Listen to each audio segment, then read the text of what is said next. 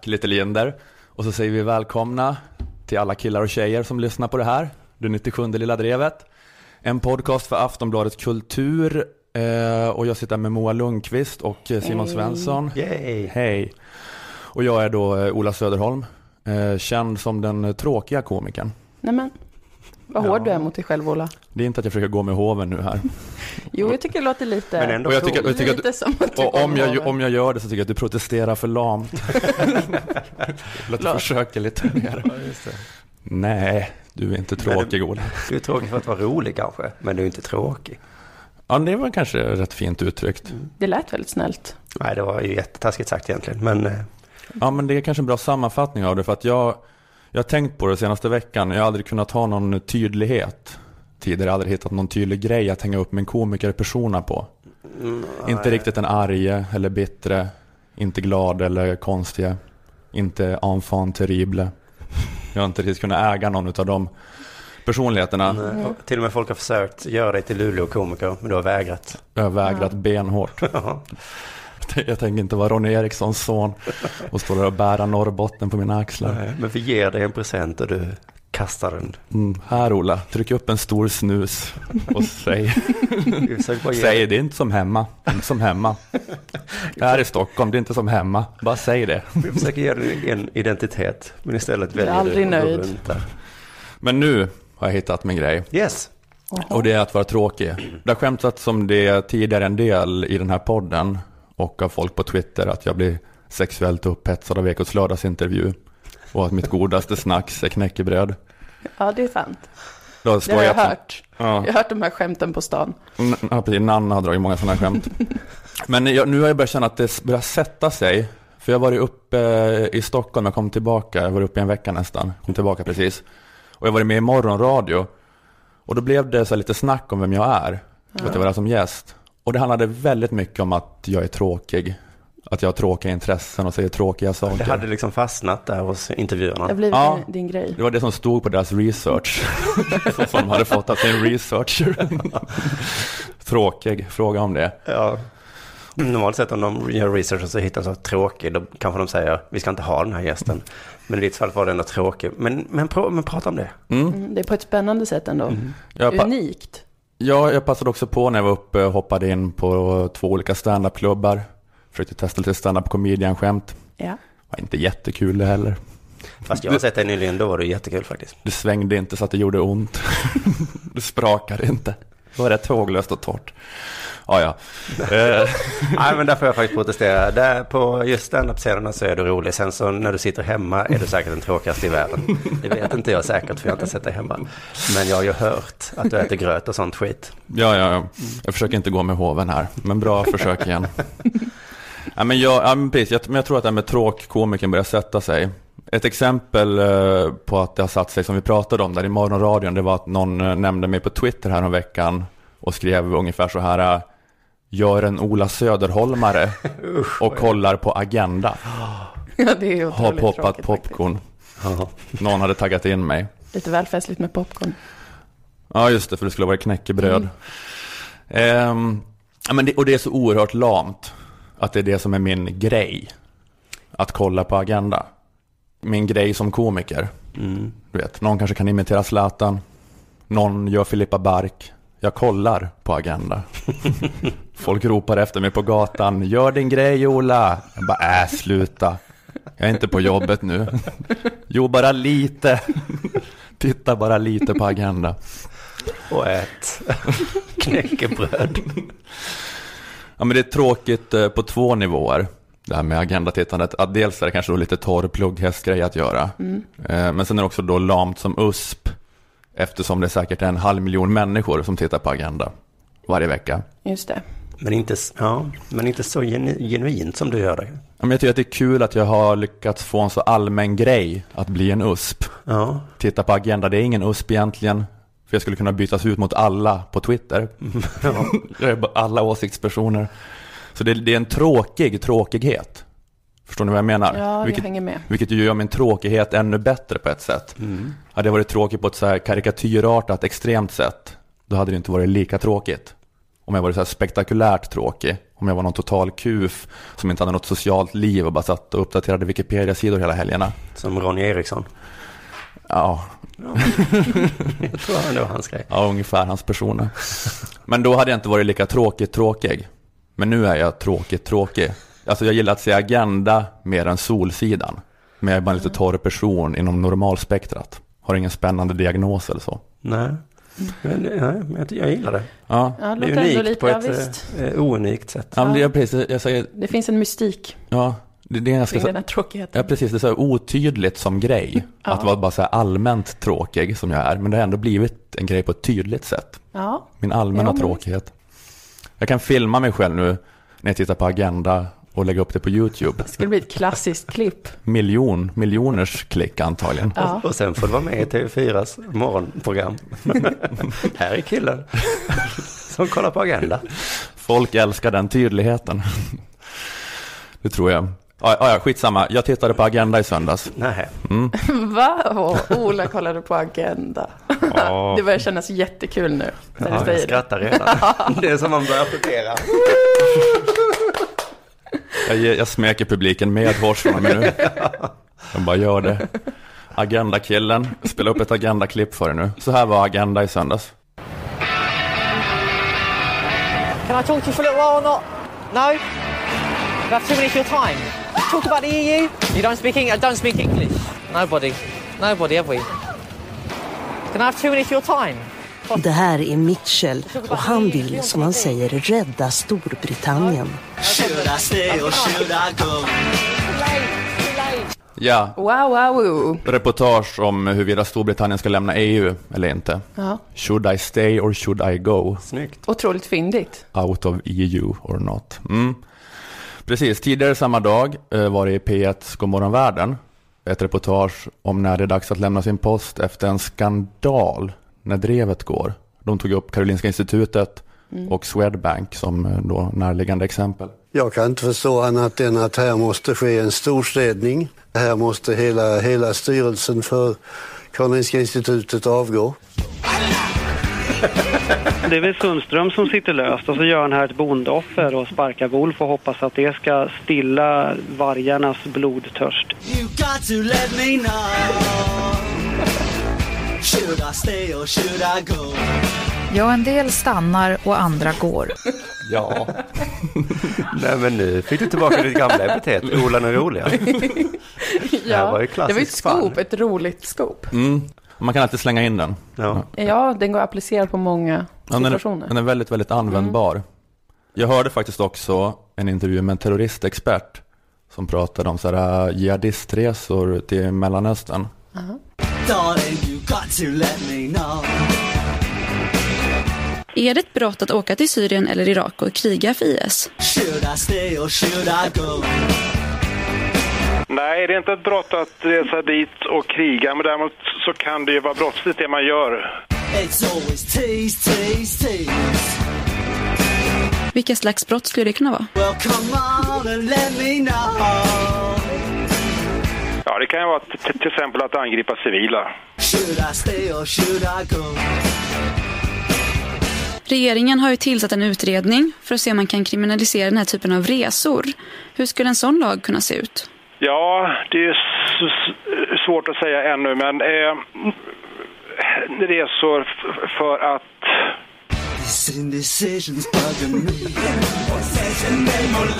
Problemet är att det kan vara svårt att avgränsa vad som är en terroristgrupp.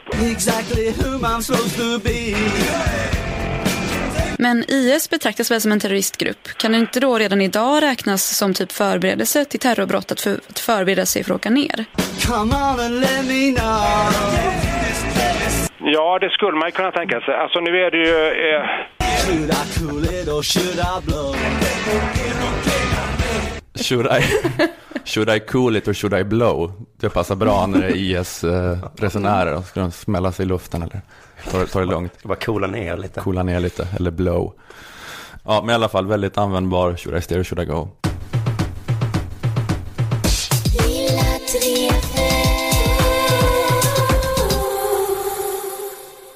Och förlåt Camilla Diaz. Som jag plågade i det här Mm. sista in- inslaget. Klippte sönder din Din fina intervju Nu blev med det sorglig terroristexperten. stämning igen. Mm. Eller? Rubrik! Ja. Eh, här, här kommer min rubrik. Ah, okej. Eh, jag, jag rubricerar med det jag ska säga. Eh, här är rubriken. Det upptrissade debattklimatet och de nyvuxna. Intresserad. Nu kommer inledningen. Jag klickar. Jag klickar också. Känner ni till det? Det, det, det vet jag att ni gör, att vi har haft ett upptrissat samtalsklimat. Eller debattklimat kanske man säger. Ja, Vi har haft det i. Sverige men också i hela världen va? Mm, mycket möjligt. Ja, Här i Sverige kallas folk för hora om de har fel åsikt. I Syrien kan man få huvudet avhugget eller avskuret om man har fel religion. ja det är ju Mm, riktigt upptrissat. Ja, jag tycker att de, oj oj oj. Cooligt. Men det finns en logisk lucka här, tycker jag i det här med upptrissat klimatet. För det är väldigt få som gillar det. Det är många som säger så usch, usch vad upptrissat det är. Men med tanke på hur mycket det finns så är det ju väldigt många som använder det. Ja, Det är som med McDonalds, ingen gillar det. Men hur kan det då finnas McDonalds överallt då? Om ingen gillar det. Mm. Och samma med upptrissningen då, hur kan det vara så utbrett om ingen gillar det? Jag tror att det är fler än man liksom, man kanske inte vet om att man gillar det helt enkelt. Man, alltså man säger att man inte gillar det men sen så använder man det ändå. Ja, just det. Och ni har fått rubriken Här kommer min tes. Och nu får Ja. ni lyssna noga för det är den ni ska försöka slå hål på sen. okej. Mm. Det är de nyvuxnas fel. Mm, behöver mer info, men eh, redo. Då kommer definition här, eh, eller vad det nu heter, av, av, av nyvuxna. Nyvuxna är alltså arpisarna, Hiltonsarna, Wallinisarna. Det finns säkert fler. Vem är Wallin? Eh, Cissi Wallinisarna. Cissi Wallin, ja. Ja, ja. Eh, Det är tre personer som gett namn åt tre stora grupper. Och det är alltså personer som en gång varit unga, men så en dag, likt en Tom Hanks-film, så bara vaknade de upp. Och så var de vuxna. Vad hände här? Jag vet inte varför, men det händer ju med en hel del. Ni vet som man träffar en gammal gymnasiekompis och bara oj. Men att det är människor som gick från 12 till 30, som i den där Tom Hanks-filmen Big, eller vad den heter. Ja, de har liksom, eh, de har inte varit vuxna alltid. De har ju haft en, en, liksom en fot i popkulturella världen, men så plötsligt så bara växte de ur det. Och, för att det finns ju vuxna som alltid varit vuxna, som eh, Löfvenisarna, eller Poiré det. De har ju aldrig varit unga. Men har Ivar Arpi varit i popkulturvärlden? Ja, han har varit hårdrock. Jag har sett honom på hårdrocksklubbar och sånt. Mm, Han kan ju fortfarande prata med mig om så vilka hårdrocksband som är coola. Va, har du Jaha. varit på hårdrocksklubbar med Ivar Arpi? Nej, men med arpisarna. Arpisarna? Det, han representerar. Ivar Arpi representerar ju bara en stor grupp som jag kallar arpisarna då. Aha, okej. Mm. Men han, om vi talar om honom specifikt så är ju han, kan jag ju inte diskutera privat med honom, men jag, jag hänger ju med lite. Så cool, i Arpi, bra musiksmak. Okej. Eh, som jag i princip skulle kunna göra med, med Hiltonsarna och Wallinisarna också. Men man fick ingen långsam tillvänjning från, eh, till att de blev vuxna? Utan de, de gick där från 12 till 30 plötsligt? Precis, de har liksom en liten fot kvar i ungdomsvärlden. Men för de unga och de vuxna har ju alltid bråkat lite, eh, tänker jag. Men de vet att de aldrig kommer komma överens. Alltså Martinsarna, Poirier Mattsarna eh, och de unga har ju med en sån live and let live-attityd. De behöver ju lite varandra också för att kunna vara lite så, åh vi hatar de unga, vi hatar de vuxna. Fuck you gubbjävel. Ja. ja, ja, det är som det är. Precis. Säger på er Martinsson. Och gubbjävlarna liksom behöver ju också de här dumma unga för att kunna bygga sin filosofi på. Men det finns en fjärde grupp också, jag nämner den bara lite kort här för det har inte med saken att göra egentligen. Jag tror bara det finns en person i den fjärde gruppen. Det är eh, Alice Bakunke, får man säga, och tillhör Bakunkisarna. Ja. Eh, det är en dag som någon tvingades bli vuxna. Nu är du minister, nu kan du inte gå runt och vara barn mer. Men jag är ju ett litet barn. Skärp dig. Släpa ut henne ur Disneyklubbens-studion. Så, Ta av dig Musse Pigg-öronen. jag vet inte. Här ska du få en Hillary Clinton-byxdress. och en Hillary Clinton-åsikt som du numera eh, ska ha. Eh, Det kan finnas fler, men jag känner bara till eh, en där. Då. De nyvuxna då, Hiltonsarna, Arpisarna, Wallinisarna, har till skillnad från Mats, Knutons, Mats Knutssonarna Det är många begrepp här du kastar in. Det är teoretiskt avancerat. Kan inte du bara säga namnet på människorna istället för att göra dem till en grupp? Det känns som att det finns en grupp för varje människa. Ja, vi kan kalla dem för nyvuxna, för det gäller ju dem allihopa, eller bara vuxna då. Ja, Mats Knutsson. Ja, just det. Nej, men för problemet med de nyvuxna är ju att de är kvar lite i ungdomsvärlden då, till skillnad från, från de eh, vuxna vuxna. Och det gör att de gillar att kaxa på nätet, som de gjorde förr i tiden. Ja, ja. Eh, Men de nyvuxna får också dåndimpen av för hårda ord, precis som de, de riktiga vuxna, som Paria Martinsson och Anna och dem. Mm. Det vill säga det är de som trissar upp klimatet. Här kommer ett exempel då. Plats för underrubrik, heading 3. Nyvuxna sitter på två stolar. En av Cissi Wallinisarna skrev en krönika i Metro. Det råkade vara Cissi själv just Ja. den här gången då. Hon skrev i alla fall om ett badhus om, och sexuella trakasserier. Hur hon såg på det. Så skrev hon bland annat så här, om hon då skulle se några ungdomar som trakasserar tjejer, skrev hon, då kommer jag ha svårt att inte bryta mot lagen och utdela våldsamma sparkar mot dessa gärningsmäns nedre regioner. Mm. Visst låter det som hon är team huliganerna här? Det låter lite upptrissat. Väldigt upptrissat. Senare i samma kröna så blir hon vuxen igen och säger att hon är emot Medborgargarden. Ja. Det vill hon inte se. Nej. Nej. Mm. Så hon sitter liksom lite på två stolar där. Den unga tuffa som sparkar folk i pungen. Och den som vuxet efter lite tankeverksamhet kommer fram till att ett sånt samhälle, det vill jag nog inte ha. Så hon är liksom och trissar på båda sidorna. Nästa exempel, underrubrik här igen då, heading 3. Nyvuxna har två händer. Mm. Känner du till Stephen Fry? Ja, ja, det är brittisk komiker. Ja, eh, gubbkomiker tror jag vi kallar honom. Han sa skämtsamt häromdagen på någon gala att någon såg ut som en bag lady. Aha. Enligt DN betyder det ungefär uteliggare. Här i Sverige säger vi kanske tiggare eller EU-migrant eller utsatta EU-medborgare. Vi har så många ord- olika ord. Hela brittiska Twitter drevade igång, tyckte det var fel och det drevade så att Steven inte orkade vara kvar på Twitter. Jaha. Han skrev en liten snyftis om hur dumma alla är på Twitter och så lämnade han, lämnade han skeppet. Vad händer i Sverige då? Jo, Hiltonsarna försvarar Steven och tycker Twitterdrevarna är dumma. Men de tyckte bara att det var liksom eh, att stampa på en utsatt grupp av Stephen Fry. Det var det han fick skit för eller? Nej. Hiltonsarna tyckte att Steven måste få lov att säga bag lady. Ja, Ja, och retweetade den här snyfttexten då av Steven där det stod att alla som blev arga på hans bag lady-skämt är självrättfärdiga, som älskar att second guessa och jump to conclusions och bli offended. Mm. Dumma alla Twitterdrevare, säger Hiltonsarna med ena handen. Men med andra handen second guessar de och jumpar to conclusion och blir offended åt något annat. De står på båda sidorna och trissar åt båda hållen. Usch! Det är därför det blir så jävla upptrissat. De älskar att kaxa de jävlarna. De, de unga tycker att man ska få säga bag lady. De vuxna tycker inte det. nej, just det. Men, men, men, du menar att, eh, men, men det skulle väl vara teoretiskt möjligt att säga, tycka, vara på de unga sidor och säga man får säga bag lady, men sen vara vuxen vid ett annat tillfälle. Ja, just det. Men om man då är det så menar jag då att då trissar man liksom upp, eh, då eldar man i båda lägren. Mm. Gör alla arga. Så har man en gång gått på, man får säga bag lady-tåget, då måste man vara för allt ungdomligt kaxande efter det. Om man inte vill vara del av upptrissningsproblemet, ja. Eh, och så undrar jag också varför de nyvuxna känner att de måste försvara Stephen Fry. Han är som jag förstår det exakt samma person som Johan Wester, fast dubbelt så stor. Dubbelt så Johan Wester är gigantisk. Ja, men Stephen Fry såg jag en bild på nu. Oj, vad stor han är. Inte tjock, Han är men- fyra meter lång. I princip, ja, det såg det ut som på bilden. Jag gissar nu att de inte hade försvarat Johan Wester om han hade kallat någon för uteliggare. Det är bara en gissning nu. Mm. Kvalificerad gissning, för att jag är kvalificerad.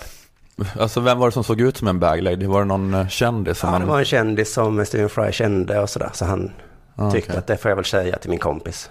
Just det. Men det, man får inte, jag vet inte hur det gick till på eh, brittiska Twitter-drevet. Mm. Nästa exempel, underrubrik här. Eh, nyvuxna vill att alla ska förstå hur dumma de unga är. Det vill de, för de har varit med. Det har varit en liten nyhet om att Liseberg ska ha anställt sju ensamkommande flyktingbarn. Ja. Jag såg någonstans idag att det kanske inte ens är sant. Men det har florerat i alla fall någon eh, nyheter om det. det är Du har, inte du har läst vad du har läst. Ja, egentligen inte viktigt om de har gjort eller inte för att eh, det artik eller kommentarerna under den artikeln, där hände det grejer. Vet ni. Oj, oj, oj, vad upptrissat det var. Många var arga på Liseberg. Dumma, dumma Liseberg. Hur kan man göra så? Anställa flyktingar. Usch, Okej. det var så arg stämning där. Det var några, många, jag blev så förvånad hur många som skrev, nu måste jag bojkotta Liseberg. Hmm, det är starkt. Mm. Att bojkotta något så kul. Ja, Då man brinner man verkligen Man för bojkottar. sin sak. Ja, det är så, Jag tänker att sommarhalvår helt utan kul nu. Ja. Bara för att jag eh, har så starka antipatier mot marockanska ensamkommande. De säger det till sina barn som skriker, får vi gå på Liseberg? Nej, det kan vi inte. För det är sossarnas fel. Det går inte att gå på Liseberg nu längre. Så upptrissat är det. Och de här knäppisarna som inte längre vill ha kul hade vi väl kunnat låta vara. Men då kommer liksom eh, Emanuel Karlstenarna och gör en nyhet av det. Titta vad knäppisarna skriver. Inhoppar de nyvuxna, kända och okända, har kaxiga åsikter tillbaka. Resultat, ännu mer upptrissat klimat. Nu är vi snart färdiga, jag ska bara exempel tre. Eh, De nyvuxna vet inte skillnaden på humor och debattinlägg. Nej. Vi får se om ni vet det här. Vet ni vem Carl Stanley och Tage Danielsson är? Ja, Ja, Carl Stanley pratade vi om förra veckan. Ja, precis. okej. Och han, men han har gjort eh, det här jättepopulära klippet. Just han går runt och skriker Sverige fullt. Han har systemkollapsvideon på sitt Systemkollaps, CV. mm. Och Tage har ju sannolikhetsmonologen på sitt CV. Mm. Mm. Yes. De har gemensamt där att de kan skämta om aktuella händelser, kan man säga. Ja, Mm. Sannolikhetsmonologen är superkul. Superduperkul. Fortfarande, efter många år. Men som debattinlägg om vad som hände vid kärnkraftverket, då är den ju direkt felaktig. Det hände inget i Harrisburg. Säkerhetssystemet fungerade, det blev ingen olycka. För att kärnkraftverket fungerar precis som det skulle. Det nämner ju inte Tage, för då hade det inte blivit så kul. Och, och så gör man ju när man skämtar, man tar en liten genväg och går direkt till skämtet. Men man kan ju säga att eh, Tjernobyl sex år senare rodde ju hans skämt i land då. Ja, men jag tror att precis, men jag tror att folk älskade det kanske redan då. Men då har du förstås Det, var, det dröjde sex år innan de skrattade åt den monologen. Alla bara, äh, den, de här premisserna är inte, känns inte helt klockrena. Och så nu, 1986, ja, ja, vilket geni han är. Ja, skrattar vi gott. Och det kanske blir samma grej med, med Carl Stanley, vi får se. Eller det räckte kanske redan nu med honom. Men jag bara menar det här att eh, han, det han egentligen gjorde var bara en ordvits om det här sannolikhet, är inte samma ord som sanning. Kul, Mm, det var ju kul alltså. Eh, problemet var att eh, nyvuxna kärnkraftsmotståndare trodde att det var ett debattinlägg. Det är det ju inte. Det var bara en kul grej. Carl Stanley gjorde det här med systemkollaps, han skämtade, han tar ordet till sin spets. Kul, bra Carl. Mm. Det är som man gör skämt, vrider och vänder. Men så är det de nyvuxna tror att det är det bästa debattinlägget de hört. Det låter som en åsikt. Lars Ohly, hurray, börjar åsiktsbråka på Twitter. Om Stanleys skämt. Han blir inbjuden till TV4 för att diskutera politik. Och då glömmer de att Carl Stanley är en 18-årig clown. Han är en, lit, ja, en liten pojke som tycker det är kul och gör lite skämt. Ja, men du menar att de nyvuxna äh, gillar det, men de gillar inte för att det är ett äh, roligt skämt, utan de gillar det för att det är ett riktigt debattinlägg? Ja, precis. Men jag tror inte, de kan inte se skillnaden på det. De tror att det är ett debattinlägg. Ja.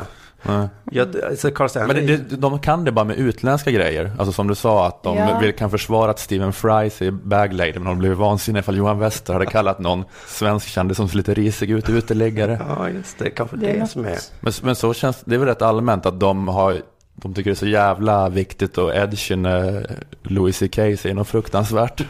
Ja, man glömmer lite att Carl Stanley är som en Paradise Hotel-deltagare. Fast istället för att skratta åt hur dum han är så skrattar vi eh, för att han vet hur man gör ett skämt bara. Mm. Vi ska inte bjuda in Smile, eller någon från senaste säsongen som ingen minns namnen på, till Nej. Nyhetsmorgon.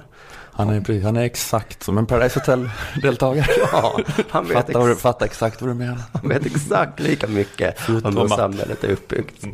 Men de nyvuxna ser inte skillnad, för de är ju både på YouTube och på DNs ledarsida samtidigt. Så blandar de ihop allt och allt blir upptrissat.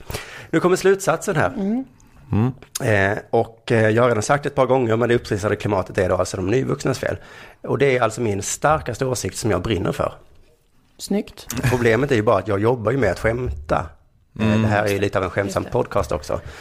Jag är ju precis som Stanley då. Så man får absolut inte ta det jag sagt på någon som helst allvar nu. Nej, Nej. det här är inte, du vill inte vara med och trissa upp och kasta mer bensin på elden nu. Du vill inte vara med i Godmorgon Sverige och prata om, om Ja, de politiska aspekterna av det här. nej det vill jag ju inte. Och och man ska inte tro att det här jag sa att det är de nyvuxnas fel. Eller det vet inte jag, jag har väl ingen aning. Det kanske det inte är. Jag, jag håller bara på med skämt. Tired of ads barging into your favorite news podcasts? Good news. Ad-free listening is available on Amazon Music for all the music plus top podcasts included with your Prime membership. Stay up to date on everything newsworthy by downloading the Amazon Music app for free or go to amazon.com slash news ad free. That's amazon.com slash news ad free to catch up on the latest episodes without the ads.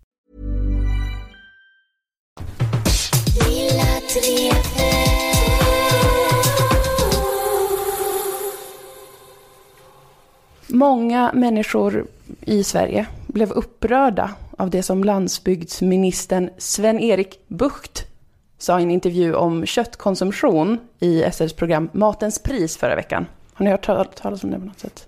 Ja, att han eh, sa att det inte var något problem ur till exempel miljösynpunkt va? Precis. Han, eh, han pratade lite om sin syn på kött. Och då, det blev väldigt upprörda känslor, för den ökade då medvetenheten kring att köttindustrin står för en miljard procent av världens undergång. Eh, Det har gjort att folk mår väldigt dåligt. Ja. När någon gör som Sven-Erik gjorde och sa bland annat det här med starkt eftertryck. Jag äter kött. Jag tycker om kött. Talk to Du kommer klippa in det efter alla gillar.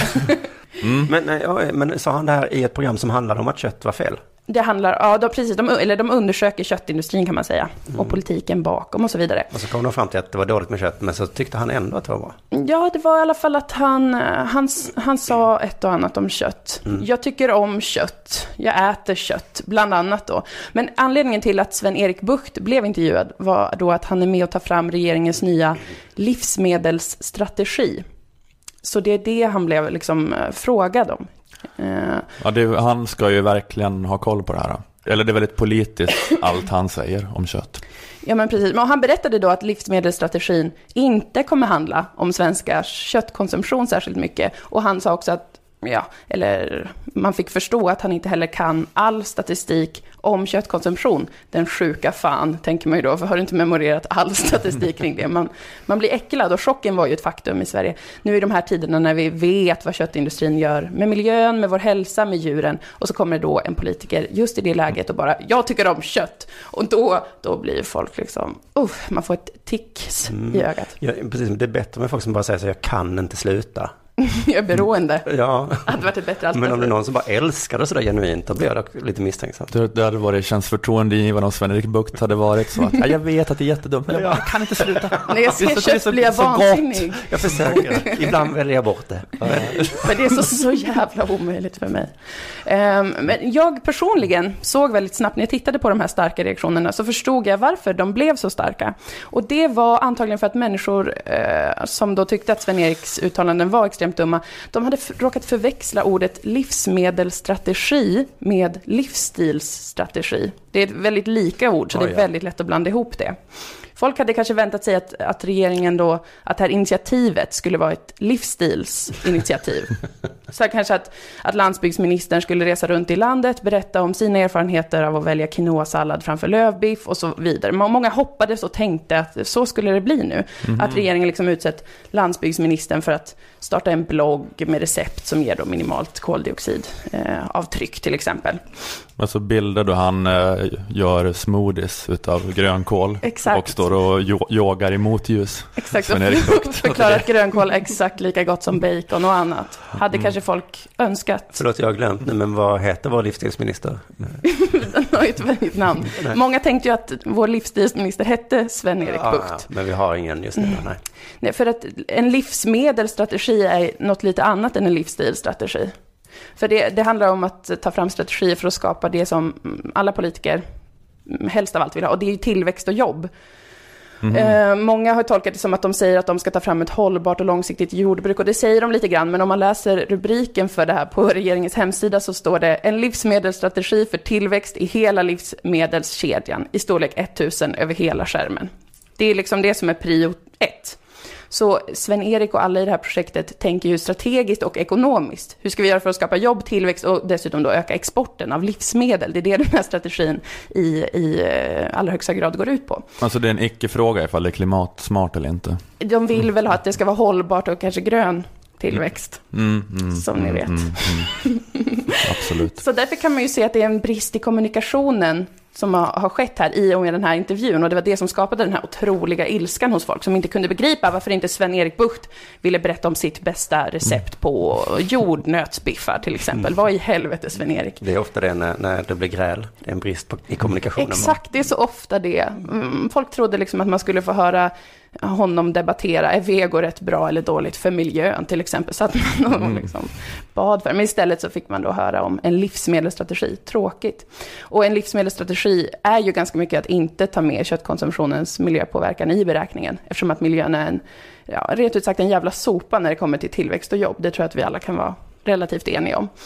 Men Sven-Erik Bucht försöker i den här intervjun kommunicera att han inte alls jobbar med att minska svenskars eh, köttkonsumtion. Om man lyssnar väldigt noga så hör man att han försöker verkligen förtydliga det, men han gör det på ett väldigt subtilt sätt. Och det är genom att lägga till på det sättet efter sina uttalanden. Men du ser inga miljöproblem med att vi äter för mycket kött i Sverige? Nej, inte ser jag det inte på det sättet. Inte på det sättet. Han ser det inte på det sättet. Men då så. Jo. Jag gick på det. På det livsstilssättet så kan väl, eh, men folk kan väl göra si eller så kan de göra så. På det sättet är Sven-Erik inte vår man i det här läget. på det sättet som han tänker så sitter ju han och ser på saker eh, som att det är toppen om vi äter kanske en del kött och framförallt och svenskt kött och exporterar kött och andra livsmedel och har ett levande, en levande landsbygd och massa jordbruk. Det, på det sättet tycker ju han att det är ganska okej ändå att äta kött. Får man ju utgå från. Man undrar på vilket sätt han, för att det är som att han syftar på vad intervjuaren säger, inte på det sättet du verkar mena att det är ett miljöproblem i alla fall. Då vet man inte vad, vad ser inte intervjuaren jag. hade för agenda, eller vad, Nej. vad, vad intervjuaren menar ett miljöproblem. Men det, det är ändå det är ett subtilt och graciöst sätt att säga det och han, eh, han höll fast vid den här taktiken. Jag vill inte politiskt eh, styra att det här ska inte finnas på ditt frukostbord eller ditt lunchbord eller middagsbord. Alltså där tror jag att politiken ska nog hålla borta sig från den svenska kö köket på det sättet i alla fall. På det sättet i alla fall så, så ska politiken hålla sig borta. Det Sven-Erik säger här är ju att han, han kommer hålla sig borta från att göra kanske ett SVT-program där han reser runt till olika barnfamiljer och ger tips på hur man kan ersätta falukorv med chiapudding. På det sättet kommer han inte vara den mannen, på det sättet är inte Sven-Erik den mannen vi söker just nu. Nej. Men, eh, men folk väntade sig det och det blev eh, otroligt kränkta känslor av det. Och det kan man ju förstå, men det är en brist, Mm. en brist i kommunikationen. Jag tänker att det är som Det är att ha en jämställdhetsminister som inte är feminist. Det är samma sak som att ha en lantbruksminister som är vegetarian. Kanske. Att jämställdhetsministern kommer och säger att det är inte politikens roll att eh, bestämma hur ni gör i hem. Men vad menar du med att det är, eh, att, man, att eh, alltså landsbygdsministern måste vara köttätare? Ja, Ja. för att annars blir det faktiskt helt sjukt. Ja, men det är ju sådana gubbar, han är från Tornedalen. Alltså det är en sån gubbe från Tornedalen. Han kan ju inte stå där och prata om att äta sojaprodukter. Det hade varit så, det hade skavt så mycket. Han är exakt samma person som Eskil Erlandsson. Ja, Ja, lite faktiskt. men det är också att, eh, det är att politik handlar om känslor också. Mm. Och han kände ju bara att jag tycker om kött och... Och på det där sättet ni insinuerar. han, hör, han hörde nog att det lät lite fel. Men då är det bra att backa upp med att säga på det På sättet. det sättet, ja. Då kan man skapa vilken efterhandskonstruktion som helst i princip. Mm. På det sättet. Ja, på det sättet är det inte farligt. Ja, men på, ja, på andra sätt är det kanske dåligt för Ja. miljön. Men jag menar det ju på, på det sättet, är inte det, herregud. Har du varit otrogen? Ja, nej. Inte på det. Varför ställs aldrig frågan, vad menar du med det sättet? En dålig intervjuteknik. Det skulle de ha sagt som var tvungna att avgå här nu. Han på KI och han på Swedbanks. Mm. Ja, just det. Operera in petflaska i halsen. Var det, ledde det till den människans död? Inte på det sättet. På något sätt ledde det väl till dens död. Ja, men, men inte på det sättet. inte just på det sättet som jag tror att du tänker. För du har någon väldigt skev bild av hur en petflaska i halsen dödar människor. Är du Det är inte alls på det sättet, det är på andra sätt. Är du verkligen med i Team Huliganerna? Ja, inte på det sättet. Men visst, det kan jag väl vara. Succémetod. Ja, ska vi gå vidare? Gas. Det ska vi spåna fler exempel på.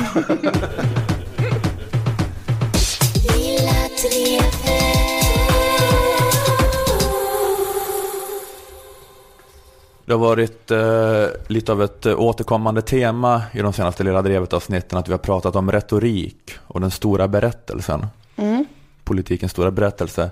Att alla blir till sig av, av Volvo-reklamen eller Obama-tal. För att de eh, ser det som storslagna berättelser om hur, om hur vi ska bygga våra samhällen och bilar. Och Hitler. Hitler var väl också bra på det där. Ja. får man säga. Storytelling. Eh, det sägs att han var hantverksmässigt skicklig. Det säger alla. När man ser det så har man ju svårt att förstå det själv. Ja.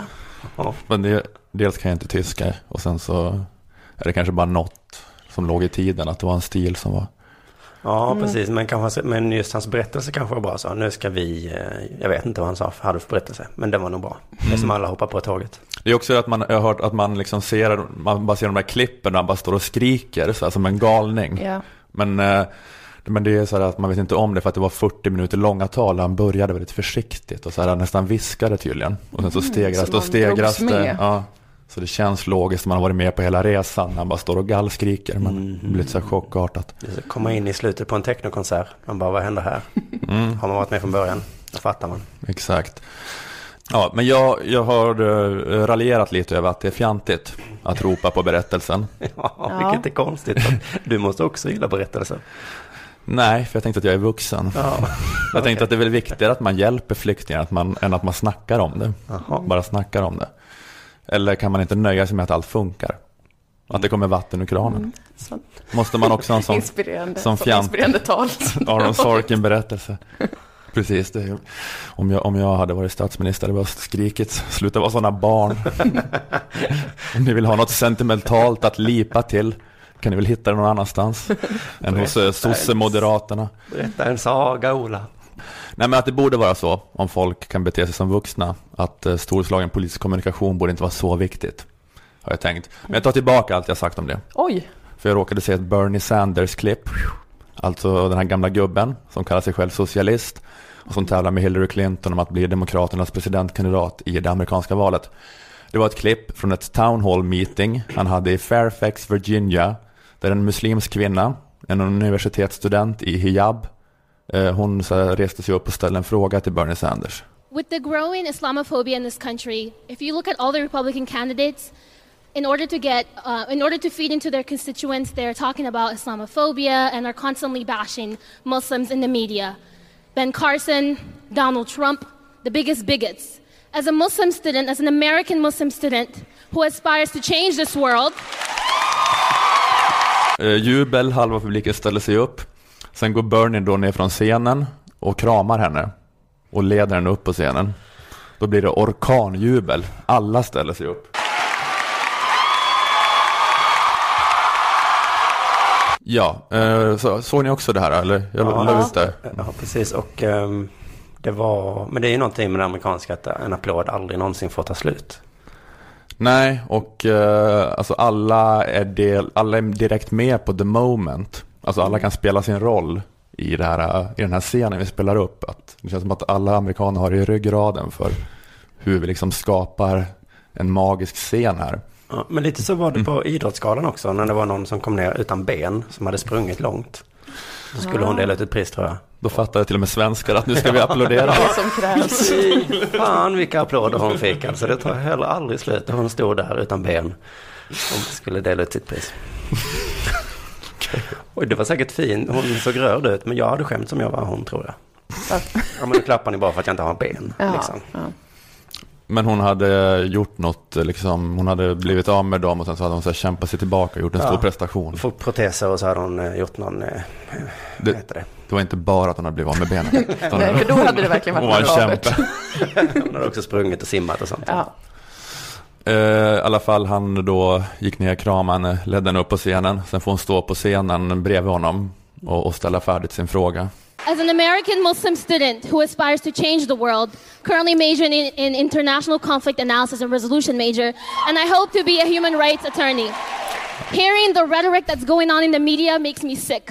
Because I, as an individual, I'm constantly trying to raise awareness and, and make sure that everyone is treated equally in this country. So, President, to the next president of the United States, what do you think about that? Han börjar gråta igen.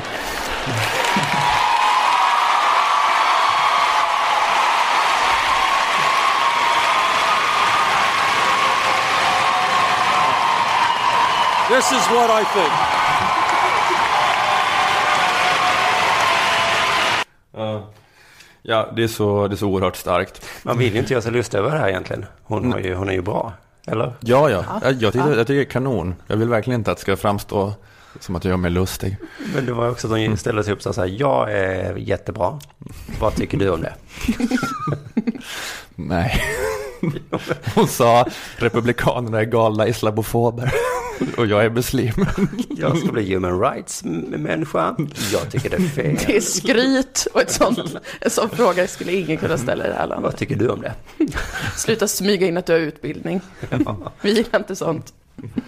Ja, ja, men det bara liksom stegras och stegras där. Det är så helt otroligt. Då står Bernie Sanders där i talarstolen, hand i hand med den muslimska kvinnan och säger Let me be very personal here, if I might. I'm Jewish.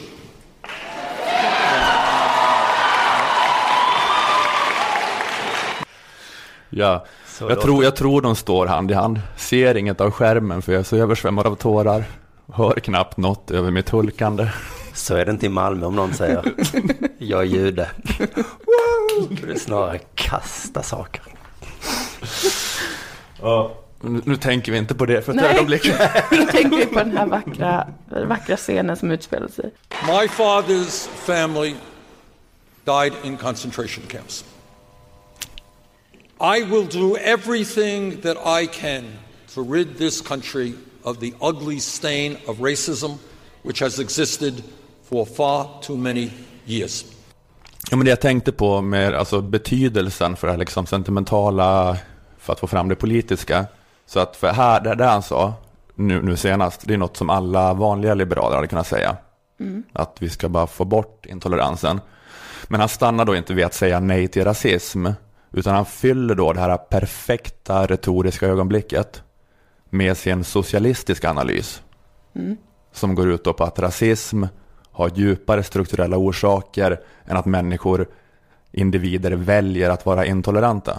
What racism is about is many, many things. It is pent up hatred that is lashing out at people in uncontrollable and stupid ways, but it is something very different than that. For many years in this country, you have had politicians, and I'm old enough to know this, who played black off against white. So they told white workers who are earning pennies an hour, they said, hey, you think you're in trouble, but you're better off than the blacks who can't drink at a water fountain or go to your school. And they told straight people, well, you think you got problems, that you're better off than those gay people, right? And they told men against women. We played one group off against another. The rich got richer, everybody else is fighting with each other. Our job is to build a nation in which we all stand together as one people. Ja, men han, eh, han drar ju in kapitalismen i det här då också då. Att han Mm. pratar om rasism och sexism och bråk mellan grupper, inte bara handlar om hat och dumhet, utan är så här verktyg för de rika och den härskande klassen. De får alla under sig att ställas mot varandra istället för att fokusera på klasskampen och den riktiga fienden. Vita arbetarklass oroas, över att de som är under dem, svarta arbetarklass, ska ta deras privilegier istället för att tänka på the billionaire class som är de vi ska krossa. Eh, och så blev då de rika rikare medan alla andra slogs med varandra. Och det bara slog mig när jag hörde det här att det, är ju så nu i Sverige. Eh, jag vet inte om ni har sett den nyheten i periferin. Att högern försöker använda de nyanlända flyktingarna. Att vi ska tänka på dem som ett problem istället för att tänka på de rika. Att det är viktigt nu att de får lägre inkomster. Mm, just det. Det ska svenska arbetarklassen tänka på. Mm. Inte tänka på vad det översta inkomstskiktet tjänar. Utan, ja, men det har kommit ett förslag nu om eh, sänkta ingångslöner. Framförallt med tanke på de nyanlända. Från något som heter Arbetsmarknadsekonomiska rådet. Men säg att ingångslöner idag ligger någonstans i handel och eh, hotell och restaurang runt 20 000 kronor. Då kanske vi talar om, eh, om du frågar mig, 15 000 kronor. Nå- någonstans där omkring. Eh, det där var Lars Kalmfors. Ekonom som alltid är med som citat oberoende expert. Ja. Slutcitat. det är så bra mm, titel att ha. Precis, men han leder det arbetsmarknadsekonomiska rådet som finansieras av Svenskt Näringsliv. Oops! Men han är ju Mordor och Sauron. Ja, så jävla soft de fick det nu med invandrarna. Nu kör vi den här caset som vi har Skicka haft ut i experterna. Ja, precis. Men jag tänker, det bara slog mig när jag såg det här Bernie-talet nu att nu gör högern den här offensiven med att då öka inkomstskillnaderna eftersom att alla ändå bara håller på och tänker på olika grupper och kulturkrockar. Att vi, jag, det arbetande folket har tappat fokus och bara tänker på dem.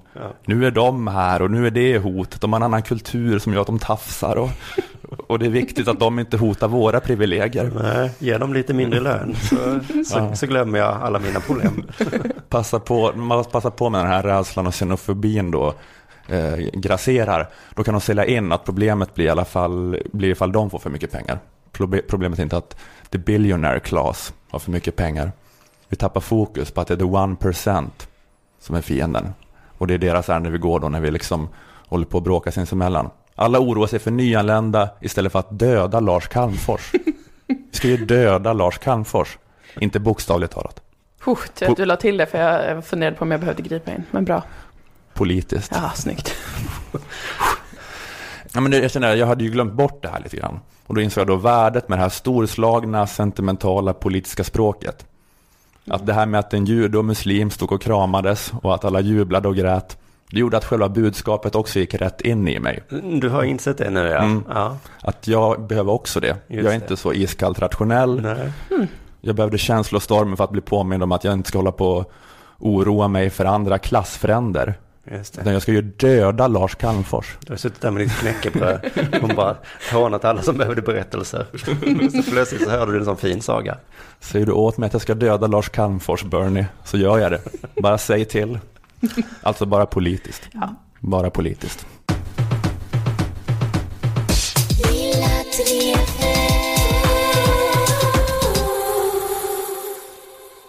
Vill du göra reklam för din och Dilans föreställning Moa? Ja, men det kan jag göra Jag har igen. fått så mycket ovett för att du inte ville göra det förra veckan. Det var lite alla, synd att du var tvungen att få det eftersom att det var jag som inte orkade. alla blev arga på göra reklam Alla för blev arga på mig för att du inte orkade Jag göra älskar reklam. det. Det är feminism. för mig. Precis, för att jag klippte bort, du ville inte, och då klippte jag bort min fråga, vill du göra reklam? Ja, hans och då tolkade alla det som att jag bara ville att killar skulle få göra reklam för sina framtida standupföreställningar. Jag känner mig glad som har uppbackning. Och nu ska jag göra reklam. Eh, Och det är att jag och Dilan kommer göra vår föreställning Det nya tråkiga. Och du kommer också stå upp då, Ola. Mm, just det. Och då kommer vi till Uppsala 2 mars, Stockholm 3 mars. Jag tror att Stockholm är slutsålt faktiskt. Jaha. Humble brags. Och så sen Malmö 23 mars och sen Göteborg 18 mars. Så jag alla datum i fel ordning. Jag, jag är med, nej jag är inte med i Göteborg, jag kanske är Nej. med alla andra kvällar. Du, jag tror att du är med alla andra kvällar i då Aha. Uppsala, Stockholm och Malmö. Då kommer jag inte klippa bort den här Nej, reklamspotten. tack Ola. Nu fattar jag varför du frågade. Ja, så köp biljetter och kom på det. Jag har också en föreställning eh, tillsammans med Jonathan Unge. Den andra mars är vi till exempel i Halmstad. Oj, det blir konkurrens. Mm. Och eh, dagen efter så är vi i Växjö. Och den 4 mars så är vi i Malmö. För människor som är mitt emellan Halmstad och Stockholm. Ja, det blir... Vilket håll ska jag åka åt? Ja, Ja, men, ehm, men bra, då, då har vi gjort det. ja. Då blev, det. då blev det rätt den här gången. ja vad skönt. Men ja, det var jätteroligt att ni ville komma och spela in podd. Simon och Moa, tack så mycket. Tack. Och eh, ja, det var en podcast för Aftonbladet Kultur. Vi hörs igen nästa vecka. Hej då. Hej då. Hej på.